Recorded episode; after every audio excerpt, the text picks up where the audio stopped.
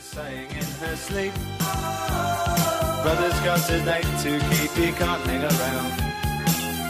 Our house in the middle of our street. Our house in the middle of our, our house. I dessa coronatider är det många näringsidkare som har det kämpigt och det här påverkar förstås också hyresvärdar och fastighetsägare. Hur ser fastighetsägarna på den situation som har kommit ur denna coronakris? Och eh, vilka lägen och branscher klarar sig bäst och hur kommer våra affärscentrum att se ut efter coronan? Välkommen hit Henrik Tuvesson. Tack så mycket. Henrik, du jobbar på Fastighetsägarna Stockholm. Berätta, vad är Fastighetsägarna för organisation och vad gör du där? Eh, Fastighetsägarna Stockholm är en bransch och medlemsorganisation för alla större och mindre fastighetsägare i Stockholms län. Och så täcker vi in Gotland också. Och det är en del av en större organisation som heter Fastighetsägarna som finns i hela Sverige. Min roll på Fastighetsägarna är att jag jobbar som näringspolitisk chef. Och det innebär att jag jobbar i gränslandet mellan näringspolitiken, det vill säga politiken och försöker påverka den. Och sen försöker jag också översätta till våra medlemmar vad politiken hittar på för någonting. Ja, och just nu är det ju mycket som politiken hittar på. Nu är det jättemycket och det är väldigt spännande tider. Mm. Hur många medlemmar har ni i Fastighetsägarna Stockholm? Medlemmar hos oss är fastighetsägare. Så att vi brukar räkna medlemmar i antalet hus, antalet fastigheter om man säger så. Och då är det 4 500 medlemmar och de har tillsammans 10 000 fastigheter. Drygt hälften av våra medlemmar är bostadsrättsföreningar och den övriga är privata fastighetsägare och kommunägda fastighetsägare. Och det kan vara allt ifrån sådana som bara äger ett enda hus antar jag till stora fastighetsbolag? Ja, de absolut vanligaste fastighetsägarna även hos de privata som äger flerbostadshus det är att man äger en eller max två fastigheter. Så vi brukar säga att nio av tio av våra fastighetsägare är små fastighetsägare. Det här är en småföretagarbransch, fastighetsägande. Mm. Sen har vi också riktigt stora fastighetsägare. Både de riktigt stora kommunala fastighetsägarna i Stockholms stad till exempel. Men även de som har stora kommersiella fastighetsbestånd i centrum och så. Mm. Ja, det, det kanske inte är det man tänker på. Man tänker ju på de här stora bolagen men som du säger, det är många småföretagare. Många är småföretagare. Man äger, den fastighet, man äger en fastighet, man har ofta ärvt den fastigheten eller köpt den för många år sedan. Och sen har man i vanliga fall ett, ett arbete vid sidan om. Ja just det, så det, det, kan vara en, en bisyssla men det kan också vara så att det är den som, som man lever på. Det är svårt att leva bara på en fastighet skulle jag säga men eh, givetvis har man några stycken så kan man leva på det. Mm. Mm. Ja, Corona ja. Är det många utav era medlemmar som hör av sig nu till er och har olika funderingar? Ja, ända sedan coronakrisen startade så började medlemmarna höra av sig. I början, alltså strax efter sportlovet där i slutet på, eller början på mars. Då hörde de av sig för att veta hur ska vi agera? Och då gav vi dem rekommendationen att ni måste se över smittskyddet. Dels smittskyddet för era anställda och dels för hyresgästerna. Så då införde man ganska snabbt restriktioner i sitt eh, förvaltningsläge. Då, att man inte gick in i lägenheter utan att det var vid akuta händelser. Man slutade helt enkelt att göra enkla serviceåtgärder och besöka hyresgästerna i deras bostäder. Då, då. Och sen höjde man lite grann eh, skulle jag säga, städningen av eh, gemensamhetsutrymmen och trapphus och liknande sådana saker. Men sen kan man säga att ganska fort, bara en vecka senare, så började hyresgäster höra av sig och, eh, från lokalhyressidan om att de hade väldigt snabba tapp i sina intäkter. Det var framförallt besöksnäringen och restaurangnäringen. Restauranger, kaféer, eh, liknande sådana verksamheter. Och sen någon vecka senare så började också butikskedjor som har klädförsäljning att höra av sig till oss och säga att de hade svårt att få ihop intäkterna. Och vilken tid pratar vi om nu då? Det här var i mars någon gång? Ja, um, jag försökte titta bakåt. Det var ungefär den 10 mars som det small till ordentligt när Folkhälsoinstitutet uh, gav högsta varningen för smittospridning. Och redan 11 mars så kom det första stödpaketet från regeringen som då handlade om att man skulle få en karensdagen slopad och eh, att regeringen skulle gå in, eller staten skulle gå in och täcka upp för regionernas sjukvårdskostnader och så. Och eh, ungefär i det läget så kom också någon vecka senare kom sen diskussionen om det första stödpaket för att hjälpa eh, lokalhyresgäster. Då, då. Så att mycket av de här frågorna som vi hade eh, kanaliserade vi i vår, vårt samarbete med regeringskansliet kan vi säga. Då, då. Mm. Och, och det, det, har gått så himla fort allt det här så man, man, glömmer så lätt. Alltså att det är nästan så att det har hänt saker, ja ibland från dag till dag och, och i alla fall från vecka till vecka. Alltså det, det, nu när vi gör den här intervjun då, då sitter vi här i, i ja, början, mitten av maj. Men, men det, det har ju verkligen gått jättefort. Ja, den här krisen är ju unik på det sättet att det, det, tog egentligen bara några dagar. Jag skulle säga att från den 10 till den 15 mars så stängde samhället ner och framförallt var det citykärnorna som eh, avfolkades direkt. Alla kontor stängde och rekommenderade folk att jobba hemifrån. Butiker och restauranger fick plötsligt då inga kunder alls. Och eh, det är där vi ser den första krisen i den här eh, coronakrisen för näringslivet. Mm. Så att om man tittar på, på branscher då, du, du nämnde några här, restauranger, hotell förstås också? Ja, man brukar liksom rama in dem och säga besöksnäringen. Och med besöksnäringen menar man just hotell, restauranger, kaféer. Sen var det också de butiker som har sällanköpsvaror. Det vill säga det är kläder, det är skor. Det är också där man har servicenäringar, alltså frisörer, hår, hudvård, nagelvård och så vidare. Så det, det är där som man ser att det väldigt snabbt försvann kunder. Då, då. Sen fanns det andra näringsidkare som gick åt andra hållet. Så mm. Det gick jättebra istället. Då, Just det. Och över förväntan. Ja, till exempel. Eh, ja, Systembolaget ja. höjde sin försäljning med 10% i mars. Mm. Eh, dagligvaruhandeln har aldrig sålt så bra som nu. Eh, om man jämför med motsvarande månader tidigare. Då, då. Fortsätter det tror du? Eller, eller var, för initialt var det ju många som bunkrade liksom, att man, man köpte lite extra gulaschsoppa och havregryn och sådär. Men, ja, det men, var en viss bunkring, men jag skulle nog snarare säga att det var ett konsumtionsförändrat beteende. Man åt helt enkelt lunch, lunchen hemma ja, istället för att äta den på stan. Så det, det, det, finns med fortfarande så att säga? Ja, att det, det finns bra. med fortfarande mm. och det, de säljer väldigt bra. Och man kan säga att det som egentligen slog igenom riktigt ordentligt det var ju näthandel av mat. De hemsidorna kraschade. Mm. De gick inte att komma fram till allt vad de heter. Nej, Mathem det, och Linas matkassa och allt det vad de förstod heter. jag var jätteproblem. Ja, för där var det väldigt mycket också där i och med att väldigt snabbt sa att de äldre 70 plus ska inte gå ut.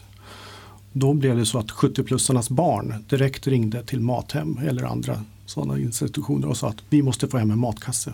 Och det gick inte, det var en, det var en veckas väntetid för att liksom få leverans. Och ja, och, och jag tror till och med var uppåt en månad vissa. Liksom, ja, det kunde det säkert vara. Ja. Mm.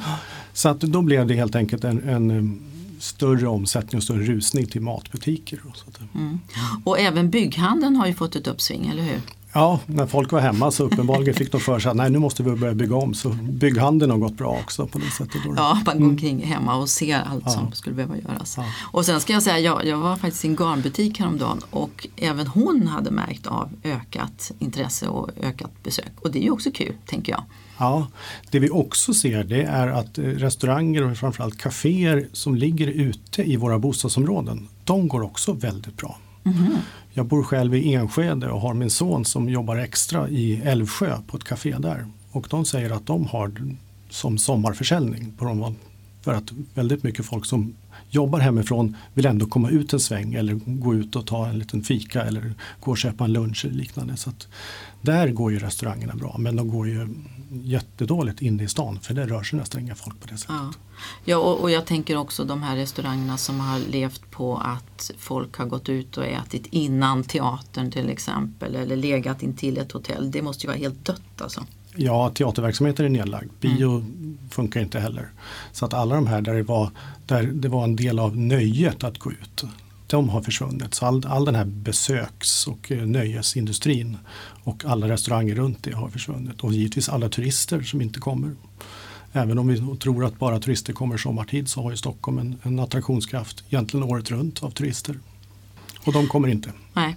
Du, och, och eh, nu nu pratar vi förstås Stockholm då eftersom du ju jobbar på Fastighetsägarna Stockholm. Men, men kan man säga att hur, hur ser det ut ute i landet? Är, är, tendensen lika stark? För ute i landet har man inte varit riktigt lika drabbad av smittan tänker jag. Har du någon uppfattning om det? Eh, Stockholm är där som smitthärden har varit som starkast och det syns ju i alla mediereportage och från Folkhälsomyndighetens presskonferenser varje dag att Stockholm är eh, epicentrum för covid-19 i Sverige. Så att vi får de stora effekterna i Stockholm och i innerstad och i köpcenter runt Stockholm.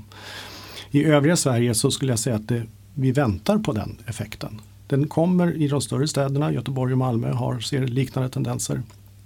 I småstäderna lunkar egentligen på som vanligt. De har inte några stora problem med eh, restauranger eller kaféer eller så som går dåligt. Mer än att man så att säga ska vara vaksam på att inte sitta för tätt när man är mm.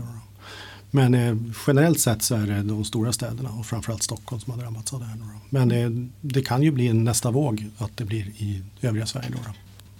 Regeringen har ju kommit med ett krispaket där man då kan få hjälp med hyran. Berätta hur funkar det här paketet? Ja, regeringen har egentligen kommit med två paket. Men det första paketet är precis som du säger en, en hyres, ett hyresstöd. Eh, där är det så att eh, i upplägget är det regeringen som har fattat beslut att om fastighetsägaren sänker hyran och gör det med säg 50 procent, en halvering av hyran. Då betalar staten hälften av den sänkningen den andra halvan får fastighetsägaren själv stå för. Det här är ett stöd som man får söka i efterhand från för fastighetsägarna får söka i efterhand. Så efter första juni får vi, kan vi få pengarna tillbaka som fastighetsägare. Och eh, sänkningen gäller april, maj och juni, det vill säga kvartal två. Och det här var ett stöd som man först eh, presenterade i slutet på mars på en presskonferens. Och sen tog det tyvärr nästan fyra veckor innan det riktigt var klart genom att det skulle skrivas en förordning. Det skulle godkännas av EU för att liksom inte bryta mot våra statsstödsregler. Och sen skulle det också skrivas någon form av Eh, beskrivning eller regelverk som fastighetsägarna kan förhålla sig till. Då. Så att i början så blev det ganska mycket konflikter mellan lokalhyresgäster och fastighetsägare som inte gav det här stödet. Men det var för att man inte riktigt visste hur det skulle fungera. Man visste inte vilka som skulle få stödet. Det blev klart lite senare när man bröt ner det så att man, det som vi brukar kalla för SNIK, det vill säga precis veta vilken typ av butik och eller näringsidkare som ska få stödet. Då, då. Och, och, sen var det eh, egentligen hur man ska liksom processa eller hur administrationen runt det här systemet ska se ut. Då. Och vilka branscher är det som har möjlighet att få det här stödet? Då?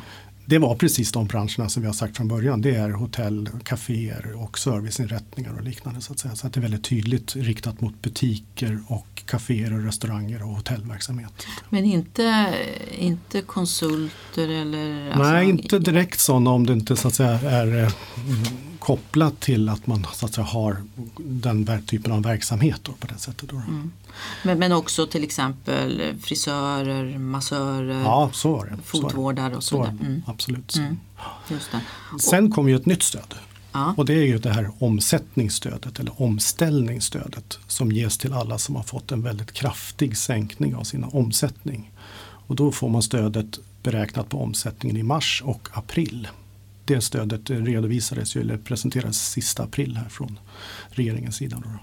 Och det ska också täcka just fasta kostnader och med fasta kostnader inkluderas hyra exempelvis. Då. Mm. Och då blir det stödet mycket bredare och går direkt till den som eh, fast, eller den, den, eh, det företagen som drabbas av sin oms, om, omsättningsminskning. Då. Det, går inte, det kanaliseras inte via fastighetsägarna på något sätt. Då. Och är det då skillnaden mellan mars och april? Eller hur, hur liksom... Nej, då mäter man mars och april 2020 och jämfört med mars-april 2019. Okay. Så att man tittar bakåt i tiden helt mm, enkelt. Mm. Och det är också ett bakåt-tittande eh, genom eh, stödfunktionen. Då, att man tittar på hur, hur mycket har det minskat. Och sen kan man få en ersättning beroende på hur stor minskningen har varit då, om den har varit större än 30 procent. och man kan säga också det första stödet hade så att säga, beräknar man skulle vara en statsfinansiell kostnad på 5 miljarder. Det här andra omsättningsstödet det är närmare 40 miljarder. Så det är jättemycket större. Oj. Och inkluderar egentligen också väldigt mycket kontor och den delen av verksamheten. Mm, mm. Precis, och då kommer vi in på kontorsmarknaden. För vil, vilken typer av, av alltså verksamheter där har drabbats? Vi mäter ju det här, alltså vi, vi, betalar ju vanligtvis då i den här branschen, fastighetsbranschen, kvartalshyra. Så man betalar egentligen sista mars betalar man för kvartal två. Så att vi hade en avgörande vecka där, första veckan i april, när vi tittade på vilka har betalat hyran och vilka har inte gjort det. Och vi såg väldigt tydligt att just att det var lokalhyresgäster, de med butiker och klädbutiker och eh, restauranger och så. De hade svårt att betala hyran. Så där gick ju fastighetsägarna in och, och gav rabatter eller ett stöd, någon form av förändrade öppettider eller anstånd att betala hyra och sådär. Och sen kom det här stödet. Det här, när det gäller kontorshyresgästerna så har vi inte sett någon sån effekt i kvartal två redan. Men vi tror att det kan komma kvartal tre och kvartal fyra om den här coronakrisen blir väldigt utdragen och lågkonjunkturen blir väldigt lång.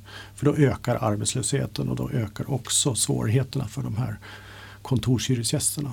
De branscher som vi ser på kontorshyressidan som drabbas av det här det är resebyråer, det är taxibolag, men det är också konsulter och IT-konsulter framförallt där man ser att deras uppdrag har minskat när företagen har dragit ner lite grann på sin verksamhet. När väldigt många fler jobbar hemifrån så är det inte den samma tryck på att efterfråga konsulttjänster som man ser till tidigare. Så där ser vi en risk att de företagen kommer få svårt att betala hyran kvartal 3 och kvartal 4.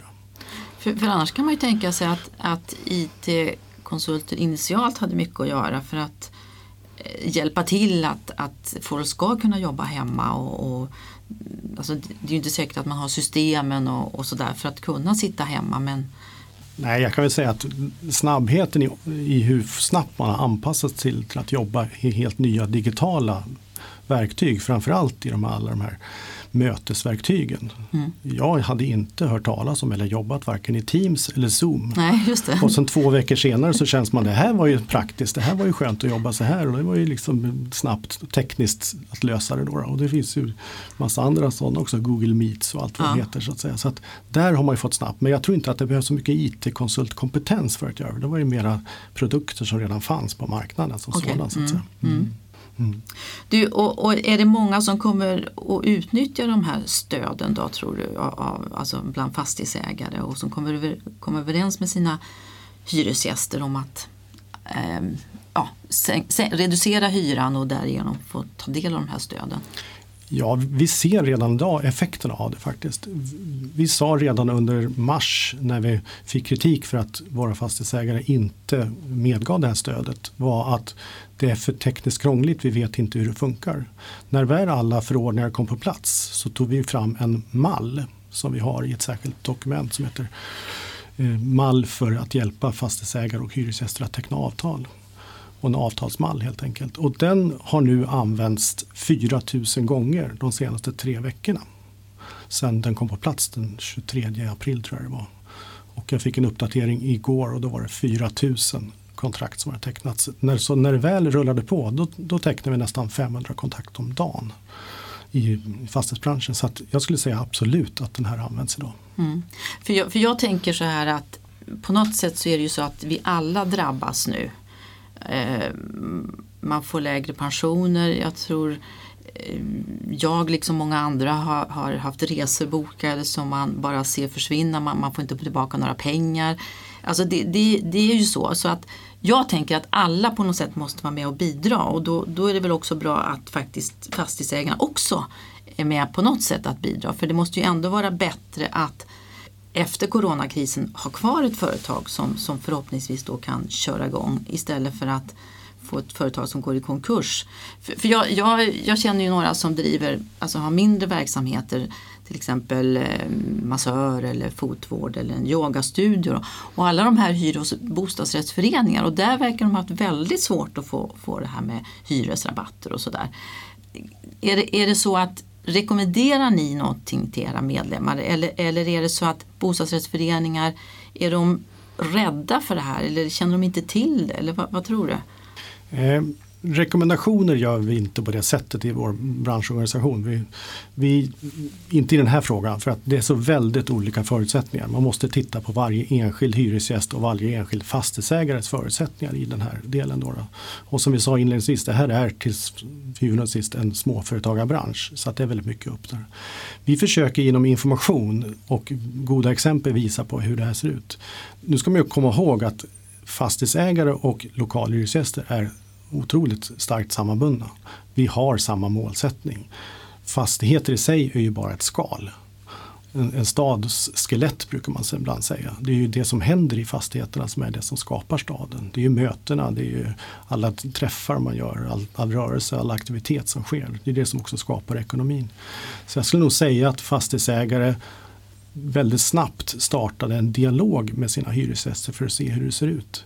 Men sen måste det vara upp till varje fastighetsägare att se, så att är det här en verksamhet som har en långsiktig livskraft? Och är det också en verksamhet som, som vi har råd att eh, subventionera på det här sättet genom att sänka hyran? Och då vet jag att bostadsrättsföreningar står inför valet och kvalet att antingen så sänker man hyran och får kvar hyresgästen.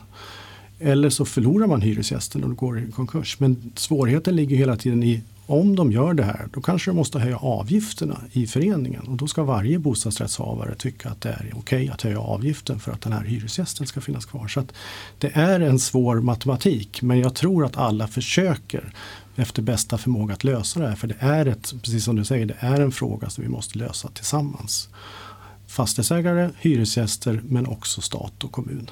Om vi till exempel tar Tyresö centrum så var det ju så att redan innan coronakrisen så var det ett antal butiker som hade slagit igen. Till exempel Tärnlunds, Teknikmagasinet och så vidare. Och, och sen dess så har ju flera andra butiker och framförallt klädkedjor då gått i konkurs eller är under rekonstruktion. Joy, MQ, D. Axelsson, Flash och så vidare. Hur kommer det att se ut efter coronakrisen? Kommer de här företagen att komma tillbaka? Vad tror du? Tänk om jag hade svar på det. Då hade man kunnat bli riktigt duktig. Så här är det att det har ju varit en väldigt långsiktig trend att svenska konsumenter inte längre handlar sina varor i butik.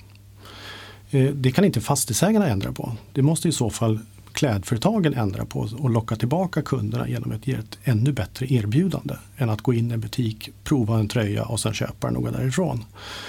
Här har en del av den här handeln har gått över till e-handel. De klädföretag som har slagits ut de är antingen så att det är handlarägda butiker, alltså ganska små butiker. Eh, nu nämnde du ganska kända varumärken men jag skulle nog säga att det är mer av de riktigt små. Jag såg exempelvis att Eh, Eh, handlarägda butiker i city har slått igen. Eh, vi har också en utslagning generellt sett av fysisk handel när det gäller sällanköpsvaror som kläder och skor och liknande. Utan folk konsumerar det via e-handel. Så jag tror att framtidens centrum och det vi kommer att se efter coronakrisen det är att det har gått lite fortare i den omställning som redan var på gång.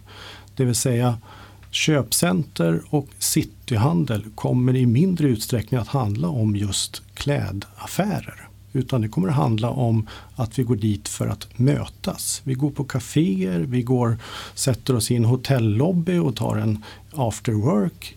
Vi kanske går på bio eller annan nöjesverksamhet. Vi ser också väldigt tydligt i de här nystartade stora köpcentren från exempelvis Mall of Scandinavia att deras butikssammansättning ändrades väldigt fort redan efter ett, två år. Från att från början vara just väldigt mycket butiker och kläder och så. Till att bli mera av restauranger och nöjen och det ska vara värt ett besök. Vi ser också väldigt tydligt när vi frågar de eh, konsumenter som åker in till Stockholm city. Varför åkte ni in till city? Då svarar de för tre, fyra år sedan. Ja, vi åkte in för att handla varor. Idag så är det minst 60-70% som åker in för att möta andra människor på kaféer eller på restauranger eller gå på bio eller göra något trevligt. Så det har blivit lite grann som man brukar säga ett vardagsrum snarare än en köpplats. Och det där tror jag är liksom en, en effekt av hur Sveriges och Stockholms konsumenter har förändrat sitt beteende. Sen är det väl så att väldigt många ändå vill ha kvar de här klädbutikerna och då tror jag att de klädbutikerna måste förändrat sitt eh, affärsmässiga innehåll till att kanske bli mer av showroom och sen handlas det på nätet men visas upp i de här butikerna. Men, men en sån som jag då, som en kvinna i mina bästa år, lite äldre år i och för sig. Men alltså, jag, jag, jag ser på mina barn, de, de, de köper ju på nätet. Men, men jag vill ju klämma och känna och känna på tyget och jag, jag vet ju att en klänning på mig ser ju inte ut alls som på de där äh, smala 19-åriga modellen utan jag måste ju liksom prova på plats. Vad, vad, vad kommer att finnas för mig då i Tyresö centrum? Eller måste jag åka in till det här stora showroomet i, in i gallerian då? Eller hur, hur tror du att det kommer bli? Jag tror att man kommer att nischa de här butikerna så att man kommer att ha konsumenter, precis som dig, som vill komma in och klämma och känna. Jag tror, jag tror att det blir en del av showroomet, att man får gå in och prova. Om inte du gör som många andra idag gör, köper alla de här klänningarna på, på paketleverans och sen provar nio klänningar och skickar tillbaka åtta. Vilket jag tycker verkar hållbarhetsmässigt Ja, det- det är katastrof. helt- det är helt galet. Men eh, Ja. det är ju så som en del idag använder paketleveranser, att man liksom Mm. har, provar saker hemma och skickar tillbaka igen. Men däremot så tror jag att det kan också bli eh, att konsumenternas eh, eller att affärsinnehavarna skaffar mera lokala grupper av kunder som man liksom vänder sig mot. Att man skaffar sig en lite mer lokal kundkrets och har trogna kunder som handlar i en och samma butik. Egentligen. Jag tror att flera sådana butiker finns i Stockholm city där man liksom har varit kund i 20 eller 25 år och fortsätter vara kund för att man, har, man får så väldigt mycket mer uppmärksamhet som kund när man går in. Det är en kompetent personal. De säger hej, de känner igen personen. De väljer ut vilka kläder som de vet du brukar köpa och så liknande. Istället för den här kollektionen som kanske har varit att man går in och så letar man två timmar i en butik och kommer ut med det som man inte trodde att man skulle gå ha när man gick in i butiken. Sa- Samtidigt så Ge- Georg Sörman, de gick ju i konkurs här. Ja, det var en av de här Och det var ju verkligen handlarägda, att, ja, ja. precis. För, Mm. för där fick man ju verkligen personlig service och sådär. Ja. Så det, det är ju lite sorgligt.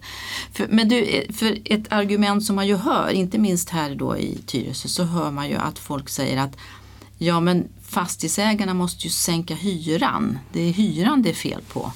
Om det vore lägre hyra då skulle det vara fler klädbutiker som skulle överleva. Vad säger du då?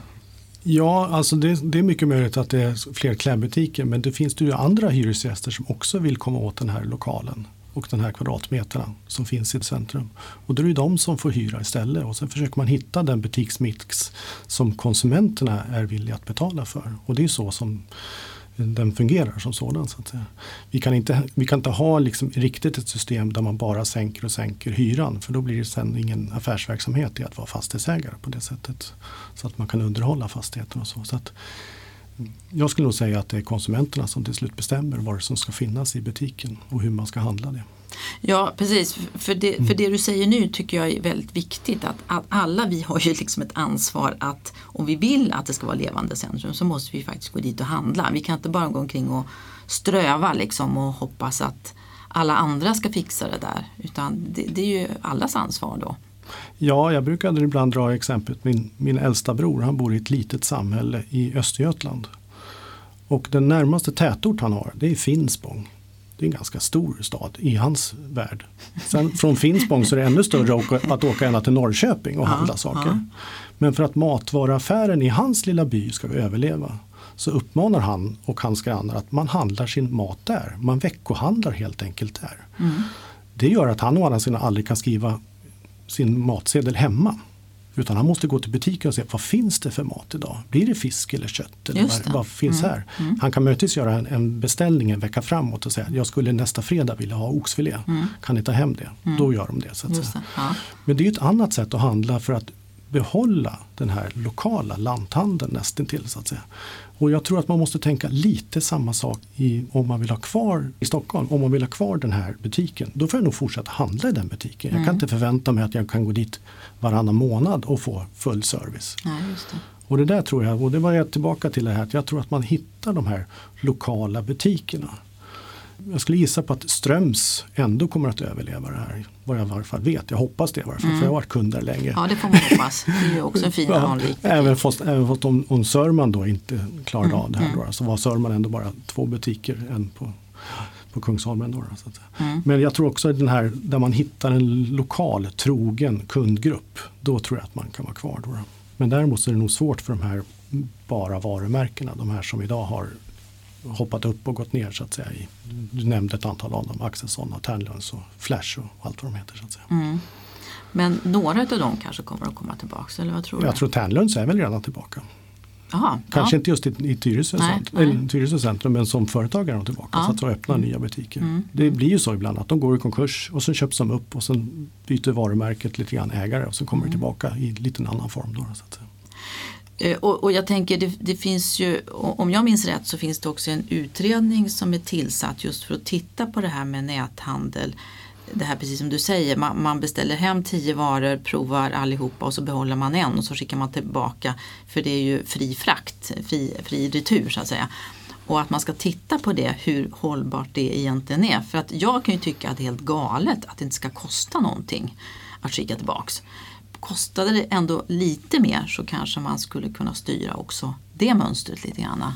Ja, jag kan inte den utredningen. Jag vet å andra sidan att man gjorde något liknande för de här så kallade Kina-paketen. Att man la ett högre porto på dem just Mm. för att man inte skulle beställa allting därifrån. Och, och tro att det i stort sett var gratis att flyga varorna till, till Sverige. Då då. Men jag, tror, jag välkomnar alla de former som liksom höjer hållbarheten i den här. Då. Sen är det ju också så att den här leveranskedjan helt och hållet måste ju förbättras. Det måste bli bättre och enklare för konsumenten att handla de här varorna på nätet än vad det är idag kanske. För att det är också lite det att man får, man vet inte riktigt var man ska hämta det här paketet och vissa väntar på någon hemleverans och såna här saker. Så att där jobbar vi från fastighetsbranschen ganska mycket med att försöka säkra hela den här leveranskedjan och vara med och bestämma i den mellan handlaren och fastighetsägaren, alltså där, där de boende bor. Idag styrs det ganska mycket av de här bolagen som transporterar paketen, var de kan och vill leverera paketen. Medan kunden vill ju ha paketen nästan så nära som möjligt.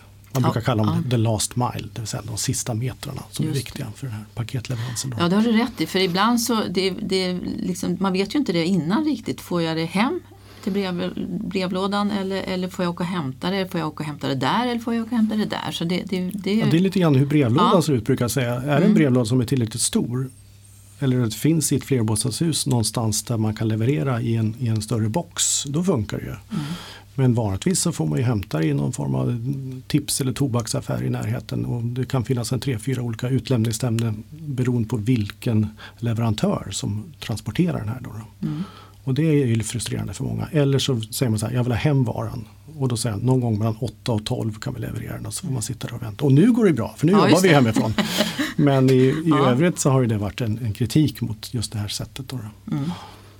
Du, i, I Tyresö har vi ju egentligen ja, vi har ett så att säga, stort eh, centrum då. sen har vi några små mindre eh, kommundelscentra. Men i en del andra kommuner eh, så har man ju satsat ganska mycket på externcentra.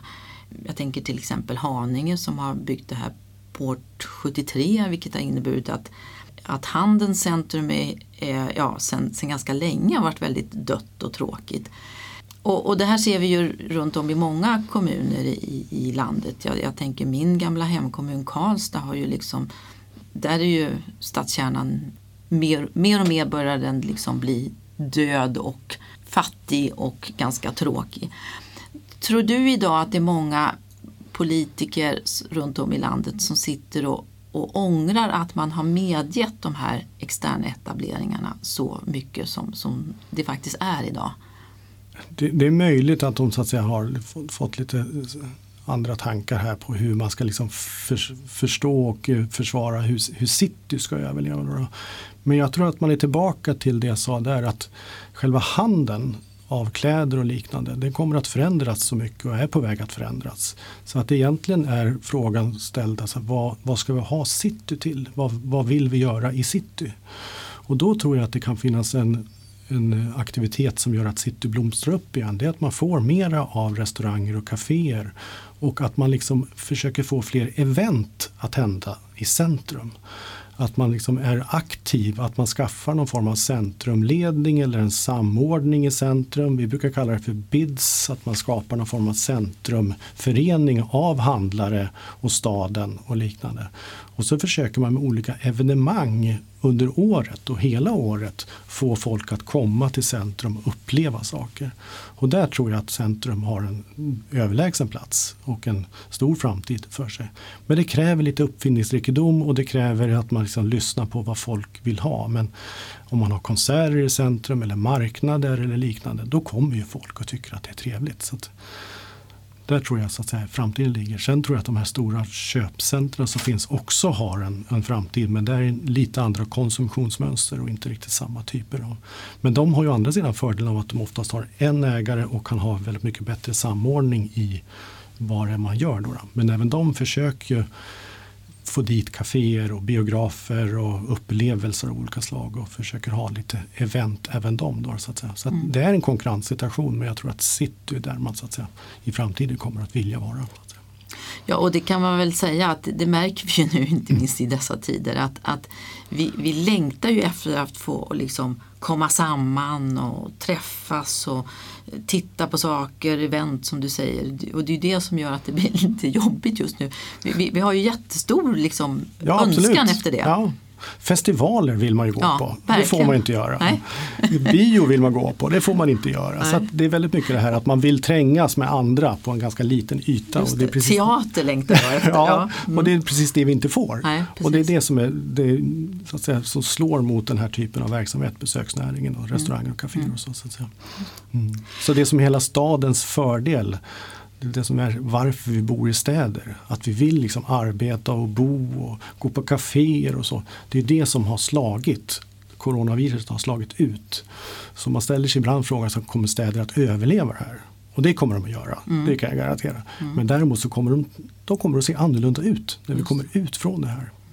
Ja, det är, väl, det är ju väldigt Mm. intressant det du säger nu för det, det är ju faktiskt därför vi söker oss till, sen kan det bero på jobb också förstås, men, men det, vi vill ju liksom komma samman, vi, vi vill ju bo lite tätt, vi vill kunna liksom ta del av allt det här äh, kulturella utbudet, träffa människor, se saker, vara med och, och, och som du säger, nu är, det, nu är det borta här, åtminstone temporärt. Liksom.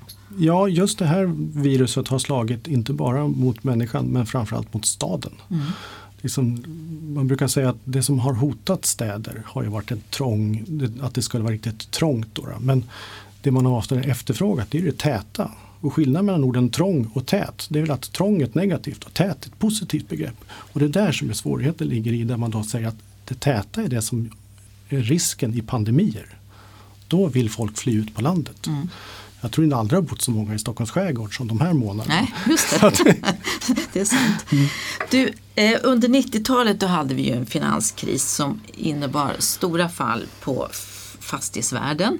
Som innebar stora påfrestningar för banker. Det var banker som tog in fastigheter. Det var den här så kallade bankakuten som fick träda in och så vidare. Och i den krisen så var det naturligtvis mera bakomliggande orsaker, till exempel den här avregleringen av, av finansmarknaden. Men tror du att det finns en risk att vi på något sätt skulle kunna hamna här om, om, om det nu går- börjar gå dåligt för fastighetsbolag, till exempel sådana som äger väldigt mycket butiker eller hotell? Det är svårt att spekulera och jag vill helst, helst inte spekulera. Det är inte riktigt min roll att spekulera att det blir kris för fastighetsbranschen. Även fast jag eh, ska liksom gärna varna för och säga att det, det kan bli så. I dagsläget kan vi säga att fastighetsbranschens olika delar det som slog hårt mot fastighetsbranschen förra gången, eller 90, jag, jag var faktiskt med redan då. jag, jag, inte, vi, var, vi, vi var ju det du och jag. Ja, jag, jag är inte så ung som jag tror ibland. Sådär. Men det var ju kontorsmarknaden framför allt. Och det var också affärsföretagen. Och det var ju värdering av fastigheter som hade liksom blåsts upp i förhållande till krediterna. Så det, det blev helt enkelt en krasch. Och det var en bankkrasch som också blev en, en fastighetskrasch. Då, så att säga. Här har vi ju, skulle jag säga, i många, i de stora delarna av fastighetsbranschen ingen kris i dagsläget. Alltså bostadssektorn ser väldigt lite av den här krisen. Vi har hyresgäster som har drabbats men då finns det ju andra stödformer för att liksom fånga upp när man har förlorat sin inkomst eller när man blir sjuk. Och det är ju inte så att säga, fastighetsägarens så att säga, roll i den hela utan den ligger liksom på, Nej, på, nej, där A, li- det ligger på a-kassa ja. permitteringsregler. Och, Försörjningsstöd. Ja, och bostadsbidrag och liknande sådana saker. då. Så att bostadssektorn som är kanske den största sektorn i fastighetsbranschen den är nä- närmast oberörd initialt. kan man säga. Då. Där skulle det bli en väldigt kraftig lågkonjunktur om vi skulle få effekter på den. Då, så att säga. Samhällsfastigheter, alltså det som kommuner och staten och liknande hyr. Det är inte heller någon form av kris. Då, då. Utan det är precis som du säger stora fastighetsbolag som har väldigt stor exponering på just butiker.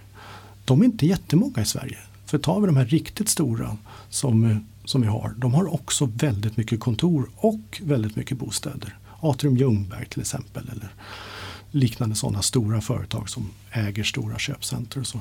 så att de har ju redan nu i kvartal ett när de redovisade sina årsredovisningar sagt att vi har sänkt hyrorna på lokaler och kommer att fortsätta sänka dem på olika sätt för att hjälpa de här hyresgästerna. Men det utgör egentligen bara en, en del av vårt, våra intäkter. Men jag skulle nog säga att generellt sett så är vi inte där nu. Sen vet vi inte hur lång den här krisen kan bli och framförallt hur lång lågkonjunkturen kan vara. Då, då. Och där vill jag väl nog flagga för att vi absolut behöver fortsatt stöd till den här sektorn, till våra lokalhyresgäster och kanske på sikt till fastighetsägare. Men då är vi nog inne i kvartal 3 och 4 och, och om det här skulle ramla över i 2021 också. Så mm. och, och, sen så sa du också innan vi började sända här så sa du också att Riksbanken var ju väldigt snabb med att signalera att, att man var beredd att låna ut pengar till banken och att det var en väldigt viktig signal. Ja men så var det ju och det kan vi liksom inte ge beröm både till Riksbanken och till regeringen att de har den här gången varit väldigt snabbfotade. Riksbanken tror jag lärde sig från Lehman-kraschen, alltså 2008-2009 någonstans, eh, att banksystemet behöver förlita sig på att det finns pengar att låna ut och låna till varandra. Så där var det så att Riksbanken direkt skickade in nya pengar i, i banksektorn.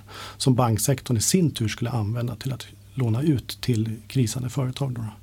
Nu tror jag att de här krisande företagen har haft svårt att låna de här pengarna för att de har inte varit riktigt kreditvärda eller de tycker sig inte vilja låna över en kris för de vet inte om de själva kommer att överleva den och sitta kvar med skulderna bara. Så att där har det varit lite svårigheter i nästa led. Men bankerna har känt sig trygga i den här krisen och det har varit väldigt viktigt. Och sen har ju regeringen stödpaket som startade i stort sett första veckan efter att vi fick den här smittospridningen. De har varit väldigt effektiva. Just att man direkt gick på korttidspermitteringar, a-kassan och liknande som skapade en trygghet för de som antingen var på väg att förlora jobbet eller de som faktiskt förlorade jobbet. Och om du ska spana framåt lite grann då det vi ser i en sån här kris det är ett ändrat beteende hos konsumenterna. Vi ser väldigt tydligt och jag tror jag sa det förut att dagligvaruhandeln har gått väldigt bra. Men även då hemleveranser av mat och eh, apoteksprodukter. Och det här är någonting som vi tror kommer finnas kvar även efter den här krisen när vi går tillbaka till ett normalt agerande. Det är att det som tidigare har varit paketleveranser av sällanköpsvaror kommer att kompletteras med en större andel av matvaror. Att man handlar hem i större utsträckning, att folk har lärt sig hur man gör. Men också apoteksprodukter. För vi ser att man liksom har testat det här under coronakrisen och då finns det kvar. Tittar vi sen på hur fastighetsbranschen eller snarare hur butiker kommer att förändras så tror jag att vi kommer att jobba mycket mer med flexibla ytor och samanvändning av ytor. Jag tror vi kommer se mycket mer av det här att det finns inte renodlade klädbutiker eller renodlade kaféer och så utan man försöker sätta ihop det i lite roliga kombos. Så vi tror jag ser redan idag kaféer och bokhandlare som går ihop och har gemensam yta och drar till sig gemensamma kunder på det sättet. Jag tror också mer av sådana här pop-up affärer, alltså att det kommer upp och testar en vara, en produkt och ser hur det ser ut. Det är också väldigt tydligt att när Ikea etablerade sig så gjorde de det i Stockholm city nu för första gången med en liten butik, inte ett stort varuhus. Så man gick in och fick den tjänst som man annars måste åka ut till Barkarby eller till Kungens Kurva för att få. Det får man mitt inne i city. Och mera sådana kombo och flexibla lösningar kommer vi att se effekterna av. Och det är det som också kommer att finnas i våra citynära lägen och i våra så att säga, cityhandeln. Mm. Och, och vad det gäller kontor då, för nu har ju många upptäckt att det går att sitta hemma och jobba mycket mer och, och precis som eh, prata om det här att, att man kan ha möten på distans och man behöver inte träffas fysiskt. Kommer det här också innebära att Alltså vi har ju redan sett att man, så att säga downsiza vad det gäller kontor. Alltså man, man behöver Ja. man har sådana aktivitetsbaserat kontor, det vill säga man har inte en egen arbetsplats och sådär. Men kommer det innebära att det blir ännu mindre yta som man behöver eh, för kontoren? Det finns en sån möjlighet, alltså det finns en sån framtidsspaning att vi kommer att vara efter det här mindre rädda för att jobba hemifrån eller vara på andra platser och jobba. Att man känner sig ändå delaktig i den här formen av digitala, digitala möten. Sen tror jag ändå att människan i sig har behov av att träffas och vilja sitta tillsammans och göra saker. Men kanske inte fem dagar i veckan. Det kanske blir tre dagar på kontoret eller två dagar. Och en dag hemma och en dag på något annat ställe. Eller man kanske skapar vissa sådana här hubbar i, i delar av, av städer där man åker dit för att kunna arbeta. Det var ju några hotell här som var väldigt snabba att ställa om sin hotellverksamhet till arbetsplatser istället. Just för att folk kanske inte hade möjlighet att sitta hemma och jobba med att det var för mycket småbarn hemma eller andra, andra skäl som gjorde att det inte var, funkade bra att jobba hemifrån. Då hyrde de in sig på hotellrum och fick full service med en kontorsplats och kaffe och lunch och i bredband och så. Och det där tror jag att man kommer också se sådana lösningar att man inte sitter alla på samma hotell eller samma kontorsplats och sådär. Så att då måste ju vi fastighetsägare vara snabba på att liksom förändra och anpassa oss efter kundernas önskemål. Sen tror jag också att eh, sådana här typer av resor som man gjorde, man kanske åkte från Stockholm till Malmö eller Göteborg eller upp till Sundsvall för ett möte som bara tar en timme. De tror jag inte kommer att finnas i framtiden. Det mötet tar man digitalt om det inte finns absolut skäl att vara där och då och se någonting. Krama eller klappa på någon, någonting då på det sättet. Utan ska man bara träffas då tar man inte flyget eller tåget och sitter 6-8 timmar på en res, resande för att ha en eller två timmars möte. Så de här inrikesresorna kanske kommer att minska. Mm, ja, det, ja, men det är nog sant. Ja, det, det är spännande tider nu eh, och vi får väl se vart det här barkar. Men, men som sagt var, vi hoppas och tror att, att det här är snabbt övergående. Det är kanske det svårt att tro men Det hoppas vi alla. Ja. vi, att vi kommer väl ut på andra sidan. Men jag tror att det här kommer bli en väldigt lång process att komma tillbaka. Det gick väldigt fort att gå ner men uppgången kommer inte att ske lika fort. Men vi får väl hoppas på att åtminstone många får tillbaka jobben ganska snart. Ja, vi hoppas det. Då vill jag säga tack så mycket till dig Henrik Tuvesson. Tack så mycket, det var trevligt att vara här. Tack för att du ville komma hit. Och det här är Katarina Johansson Nyma på Tyresö Växel. Tack! Brothers got a to keep, he can't around. Our house in the middle of